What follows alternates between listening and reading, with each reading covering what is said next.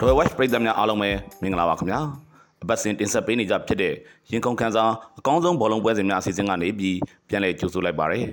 ချန်ပီယံလိဂ်နဲ့ယူရိုပါလိပွဲစဉ်တွေဝင်ရောက်လာပြီဖြစ်လို့အသင်းကြီးတွေပွဲပန်းနေတာကိုသတိပြုရပါလိမ့်မယ်အခုပွဲစဉ်တွေပြီးရင်ချန်ပီယံလိဂ်နဲ့ယူရိုပါလိကွာတာဖိုင်နယ်ဒုတိယအကျော်ပွဲစဉ်တွေပြန်လည်ဝင်ရောက်လာမှာဖြစ်လို့အသင်းကြီးတွေကအလှည့်ကျလူထုတ်တာမျိုးတွေကိုဆောင်ရွက်ရတော့မှာပါ ဒီတစ်ပတ်ရဲ့အပြိုင်မှုပြင်းထန်မဲ့ပွဲစဉ်တွေကပရိသတ်စိတ်ဝင်စားမှုမြင့်တက်နေတဲ့ပွဲစဉ်တွေကိုရွေးချယ်ပြီး Royal Watch ပရိသတ်တွေအတွက်တင်ဆက်ပေးလိုက်ပါရခင်ဗျာ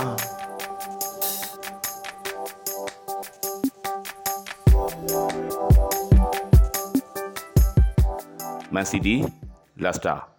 အာဆင်နယ်ကပွဲချက်တွေကြုံဆုံနေရချိန်မှာ Man City ကပွဲချောင်တယ်လို့ရှိနေပါတယ်။ဒါပေမဲ့ Man City ဟာချန်ပီယံလိပွဲစဉ်ဖြစ်ဘိုင်ယန်မြူးနစ်နဲ့ကစားခဲ့ရတာ ဒီပွဲပြီးတာနဲ့ဘိုင်ယန်မြူးနစ်နဲ့ဒုတိယအကျော်ပွဲစဉ်ပြန်ကစားရဖို့ရှိနေတာတွေတော့ထည့်တွက်ရပါလိမ့်မယ်။ဒါကြောင့်လိုအပ်ချက်အပေါ်မူတည်ပြီး Man City နိပြဂွာဒီယိုလာကအသင်းလူခင်းချင်းကိုအပြောင်းအလဲတွေလှုပ်ထားနိုင်ပါတယ်။စနေနေ့မှာပွဲကစားရတာက Man City အတွက်အားသာချက်တရက်လို့ဖြစ်နေပါတယ်။ဘာကြောင့်လဲဆိုတော့ချန်ပီယံပြိုင်ဘက်အာဆင်နယ်ကစူပါဆန်ဒေးကိုရောက်မှပွဲကစားရမှာမို့ပါ။ဒါကြောင့်လက်စတာကိုအနိုင်ရအောင်ကစားနိုင်ခဲ့ရင်မန်စီးတီးကအာဆင်နယ်ကိုဖိအားပေးလိုက်နိုင်တယ်လို့ဖြစ်သွားပါလိမ့်မယ်။ လက်စတာကတော့အခုအတိုင်းဆိုရင်ပရီးမီးယားလိမှာဆက်လက်ရည်တည်နိုင်မှုမလွယ်ကူတော့တော့ပါဘူး။တသင်းလုံးကမင်းမရှိလဲဖြစ်တယ်ဖြစ်ရှင်တိုင်းဖြစ်တယ်ဆိုတာမျိုးဖြစ်ရှင်တိုင်းတွေဖြစ်လို့နေတာပါ။ပရီးမီးယားလိရာဇဝင်မှာချန်ပီယံဖြစ်ပြီးတဲ့အသင်းတွေကဒုတိယမြောက်တန်းဆင်းရတဲ့အမှတ်ပေးချန်ပီယံအသင်းဆိုတဲ့အမှတ်တမ်းမျိုးကိုတော့လက်စတာကရေးထိုးချန်ရစ်ပစ်ဖို့နှီးစပ်နေပါတယ်။လက်ရှိမှာမန်စီးတီးရဲ့အရန်အင်အားကတော့လက်စတာထက်အပြတ်သားသလိုရှိနေပါတယ်။ ပွဲဆက်များနေတဲ့မန်စီးတီးဟာအဓိကကစားသမားနဲ့အရန်အင်အားစုကိုမျှမျှတတပေါင်းစပ်ပြီးပွဲထွက်လာပါလိမ့်မယ်။အင်ကွင်းမှာမန်စီးတီးအမှားမခံတော့ပါဘူး။မန်စီးတီးပဲနှစ်ဂိုးကိုမရှိသုံးဂိုးတဂိုးလိုရတာမျိုးနဲ့အနိုင်ယူသွားပါလိမ့်မယ်ခင်ဗျာ။ West Ham Arsenal West Ham ဟာကစားပုံတိုးတက်နေပါတယ်။နောက်ဆုံးကစားထားတဲ့ Premier League ပွဲစဉ်၄ပွဲမှာဆိုရင် West Ham ကရှုံးပွဲဆိုလို့တပွဲတည်းသာရှိခဲ့တာပါ။ West Ham ဟာအမှတ်ပေးစရာရဲ့အဆင့်ဆက်လေးနေရာစီကိုတက်လှမ်းရောက်ရှိနေပေမဲ့တန်းစင်းဆောင်အဆင့်ဆက်ရှင်နေရာကအသင်းနဲ့ဆိုရင်ရမှတ်သုံးမှတ်ပဲကွာဟပါတယ်။ဒါကြောင့်တပွဲစာချေချော်လိုက်တာနဲ့တန်းစင်းဆောင်ပတ်ဝန်းကျင်စီကို West Ham ပြန်ရောက်သွားမှာပါ။ဒါနဲ့မြို့ခံပြန်မဲ့အသင်းချင်းချင်းထိတ်တိုက်တွေ့တဲ့ပွဲစဉ်ဖြစ်လို့အပြိုင်မှုပြင်းထန်ပါလိမ့်မယ်။အာဆင်နယ်သတိကြီးကြီးထားမှာကတန်းဆင်းရမယ်အန်ရရှိနေတဲ့အသင်းတွေဟာအခုတလောပို့ပြီးရုန်းကန်ကစားနေတာပါပဲ။ ဝက်ဆမ်ဟာအင်ကွင်းအားသာချက်ကိုလက်ကင်ပြုပြီးအာဆင်နယ်ကိုတတ်နိုင်သလောက်ခံကစားပါလိမ့်မယ်။အာဆင်နယ်အတွက်ကလည်းအမားယွင်းဖြစ်ခွင့်နေပါသွားပါပြီ။လီဗာပူးကိုနှစ်ဂိုးအသာစီးယူထားနိုင်ပြီးမှနှစ်ဂိုးစီတေးကြလိုက်ရတာဟာအာဆင်နယ်အတွက်ကြီးမားလာတဲ့ထိုးနှက်ချက်ပါပဲ။ဒါပေမဲ့ချန်ပီယံဖြစ်ခြင်းနဲ့အသင်းမှန်ရင် PR တွေအောက်ကနေပြီးချက်ချင်းပဲရုံထွက်နိုင်တယ်ဆိုတာကိုအာဆင်နယ်တက်တည်ပြနိုင်ရပါလိမ့်မယ်။ အသင်းလိုက်ကစားကောင်းမွန်နေသလိုအာဆင်နယ်လူငယ်ကစားသမားတွေရဲ့စိတ်တပိုင်းဆိုင်ရာယုံကြည်ချက်ကလည်းအမြင့်ဆုံးမှာရှိလို့နေပါပြီ။အာဆင်နယ်ပြန်လာပါလိမ့်မယ်။နိုင်ပွဲတစ်ပွဲနဲ့အတူအာဆင်နယ်ပြန်လာလိမ့်မယ်လို့အခိုင်အမာယုံကြည်ထားပါတယ်။ Chelsea Brighton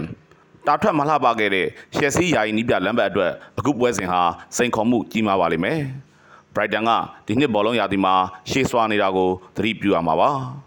ယူရိုပါလိဝင်ခွင့်တနေရာစာရအောင်နိုင်မှုမျှော်လင့်ချက်ရှိနေတဲ့အတွက်ပွဲစဉ်တိုင်းကို Brighton အားထက်ကစားနေပါတယ်။ပြိုင်ပွဲအရရက်လေးပွဲဆက်တိုက်ဂိုးပေါက်ပြောင်းနေတာနဲ့ကစားသမားတွေယုံကြည်ချက်ပျောက်ဆုံးနေတာကိုယာယီနီးပြလမ်းဘက်ကူစားပေးနိုင်ခဲ့ရင်ရှက်ဆီနိုင်ပွဲပြန်ရဖို့မခက်တော့ပါဘူး။ PR တွေအောက်ကနေရုံထွက်နိုင်မှုအတွက်ရှက်ဆီဟာနိုင်ပွဲလိုအပ်နေပါပြီ။အင်ကွင်းစတန်ဖို့ဘရစ်မှာရှက်ဆီအခြေအနေကောင်းနိုင်လိမ့်မယ်လို့ယူဆမိပါတယ်။ရှက်ဆီကတ်နိုင်သွားပါလိမ့်မယ်ခင်ဗျာ။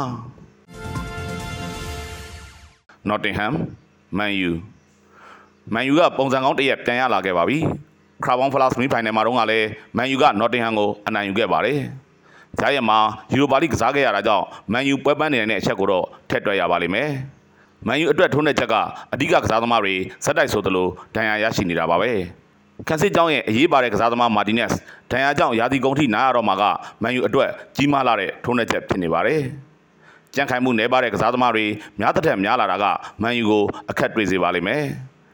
နော်တင်ဟန်ကလည်းရလက်တွေဆိုးရပြီးတန်းစင်စုံတဲ့ကိုပြန်အောင်သွားတာကြောင့်အမှတ်ရရှိရဲ့အတွက်တကြော့ပြန်လဲကြိုးစားရတော့မှာပါ